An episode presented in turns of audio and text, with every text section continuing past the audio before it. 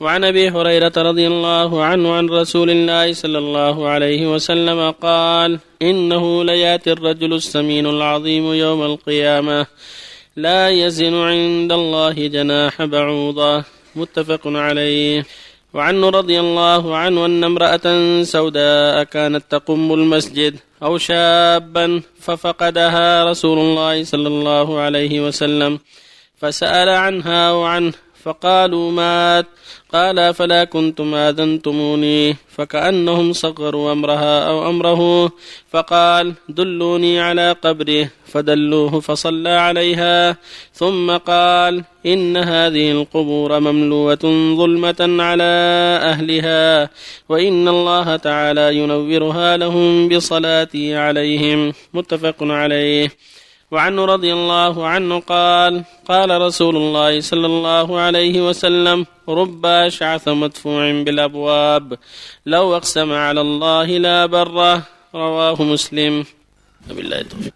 بسم الله الرحمن الرحيم. الحمد لله وصلى الله وسلم على رسول الله وعلى آله وأصحابه ومن اهتدى بهدى أما بعد هذه الأحاديث التي قبلها في بيان أن الفقر والحاجة والمسكنة لا تنقص من شأن الإنسان إذا استقام على دين الله فالفقراء لهم شأن عظيم إذا استقاموا وصبروا. يدخلون الجنة قبل الأغنياء في نصف يوم كما جاء في الحديث.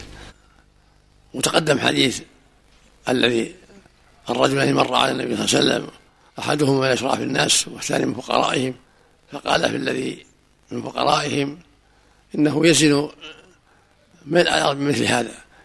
دل على أن الفقر والحاجة ليس بعيب في الرجل إذا استقام على دين الله وهكذا المرأة.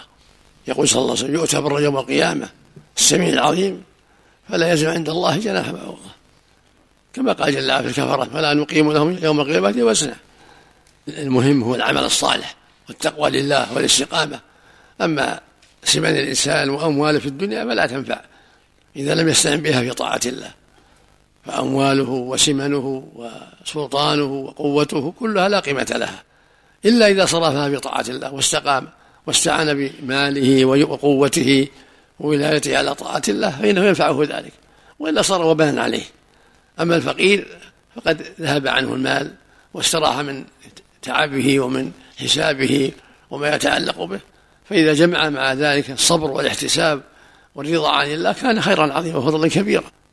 كذلك حديث المرأة السوداء أو شابة كانت امرأة سوداء تقوم المسجد فقيرة فلما ماتت ماتت ليلا فدفنوها فلما سأل عنها قالوا إنها ماتت ليلا فكرهنا أن نوقظه فقال ألا كنتم أشعرتموني بها؟ آذنتموني بها؟ دلوني على قبرها فدلوه على قبرها فصلى عليها عليه الصلاة والسلام. والمقصود أن الضعفاء من الناس والفقراء من الناس إذا استقاموا على دين الله لهم شأن عظيم وهو فضل كبير.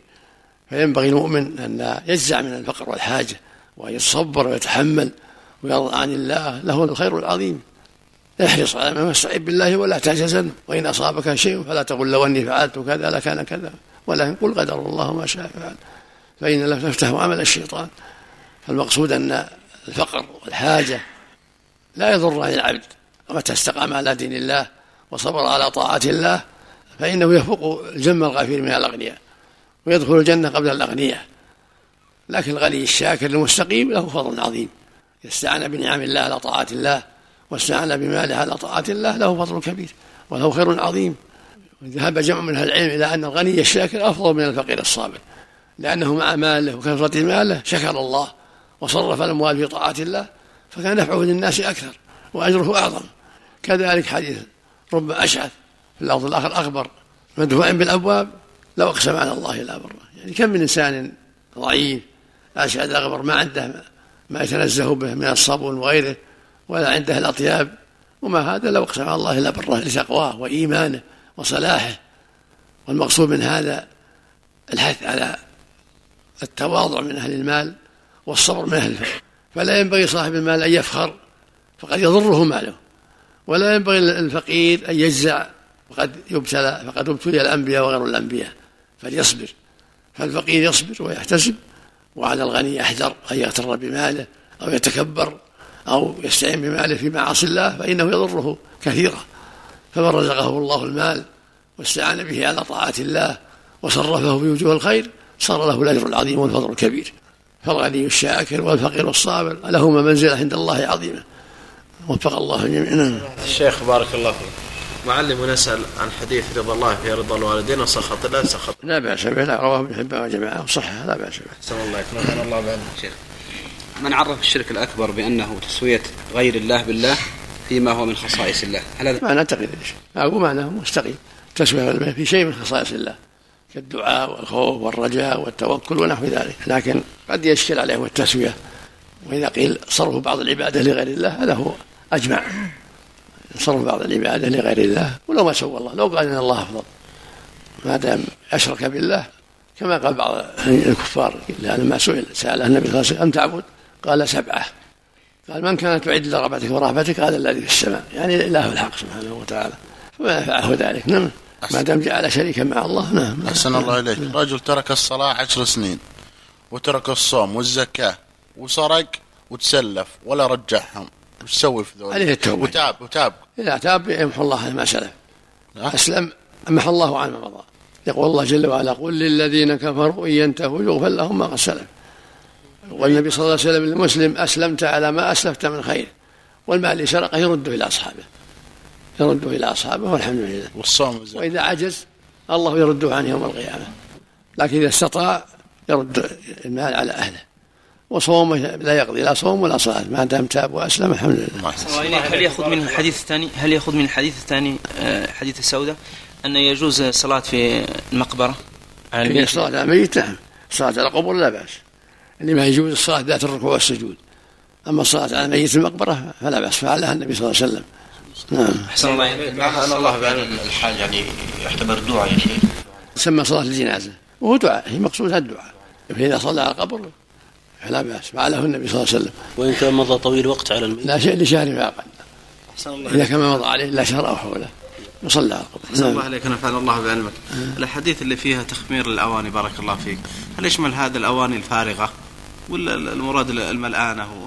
ظاهر العموم. ما ما يحط عليه عليها يعود ولا يكفأها. لأن مثل ما قال ينزل في السنة وباء يخشى على صاحبها. نعم. هل يشمل هذا البيلات الفناجيل بارك الله فيك. كل إناء الظاهر كل إناء يعني يشفاها والفنجان كذلك والحمد لله والغضارة والصحلة وما يحط عليها شيء ولو يعرض عليها عودا أو يكفأها نعم أو يطبقها بطباقة نعم أحسن الله أحوط عملا بالحديث. هذا سؤال يقول سائل فضيلة الشيخ يقول النبي صلى الله عليه وسلم وإذا استغسلتم فاغسلوا. رواه مسلم. فمتى يشرع طلب الاستغسال؟ هل يكفي الشك أم لا بد من غلبة الظن؟ وما إذا ظن أنه عين ويقال له جزاك الله خير اغسلها إذا غسل وجهه ويديه. كفى وإن توضأ غسل وجهه ويديه داخل إزاره وركبتيه وأطراف قدميه كان أكمل. ثم يتروش به البعين اللي يظن أنها عينه. يتروش به ويبرأ بإذن الله. إذا كان العين حق إذا كان موجودة. ولا بأس والذي يقال لا ينبغي له أن يتكبر يغسل لهم. الرسول قال وإذا استغسلتم فاغسلوا. إذا اتهموا بالعين يغسل وجهه ويديه تمضمض لهم وبإذن الله ينفع بإذن الله. يرقى الإنسان نفسه أم يطلب من غيره أن يرقيه؟ الرقى نفسه طيب وإن طلب من غيره فلا بأس. النبي أمر عائشة أن تسترقي وأمر أولاد جعفر أن تسترقي لأولاد جعفر. لا وإذا رقى نفسه النبي كان يرقي نفسه عليه الصلاة والسلام. نعم. الحنة الأسود الله يجزاك خير. واحد حنيت لحيك طلعت سوداء إذا كان شيب لا. إذا كان فيها شيب لا. أما كان أسود وما في الشيب ما يخالف. لكن إذا كان شيب لا يغير الشيب بالسواد. يغيره بالحمرة والصفرة. أو بالسواد بين الحمرة والسواد مخلوط يعني. النبي عليه السلام قال غيروا هذا الشيء واجتنبوا السواد. صلى الله عليه وسلم. الله أعلم التدليس يعني إذا صبوا السواد دلس على الناس يظنون الشاب. بعض الناس يقول سلمك الله أن إذا كان شابا يسمح له غيروا هذا الشيء واجتنبوا السواد هكذا أمر صلى الله عليه وسلم. جزاكم الله قال يأتي في خير زمان قوم يخربون بالسواد كحواصل الحمام كحواصل الحمام لا يريح رائحه الجنة. نسأل الله. جزاكم الله. لعل إذا يتزوج مثلا يقول أنا عمري كذا يغش يعني. لا يصبغ السواد. من هذه الباب يعني. لا, لا يصبغ السواد ولو بين عمره لا يصبغ السواد. إذا كان في شيء بعض الشبان يجي شيء بكر لا يصبغ السواد. الحديث عام الرسول قال غيروا هذا الشيء وجنبوا السواد مطلقا أحسن المرأة ولا الرجل. أحسن الله يا شيخ. إنسان يأجر بيع عنده عمارة ويأجر بعض المحلات اللي يبيعون دش ومدشوش وأجهزة تليفونات وتلفزيونات وش حكم هذه يا شيخ؟ إذا أجر على غيره محوط إذا أجر على غيره محوط ولا هذه مخلوطة؟ لا بأس مخلوطة. لا بأس به أقول مخلوطة فيها الخير والشر. فيها دش يا شيخ هذا اللي لا لا, لا, لا يجوز له بيع الدش. لا هو أجرها عليه. لا ي- لا يجزى عليه لا يجزى عليه.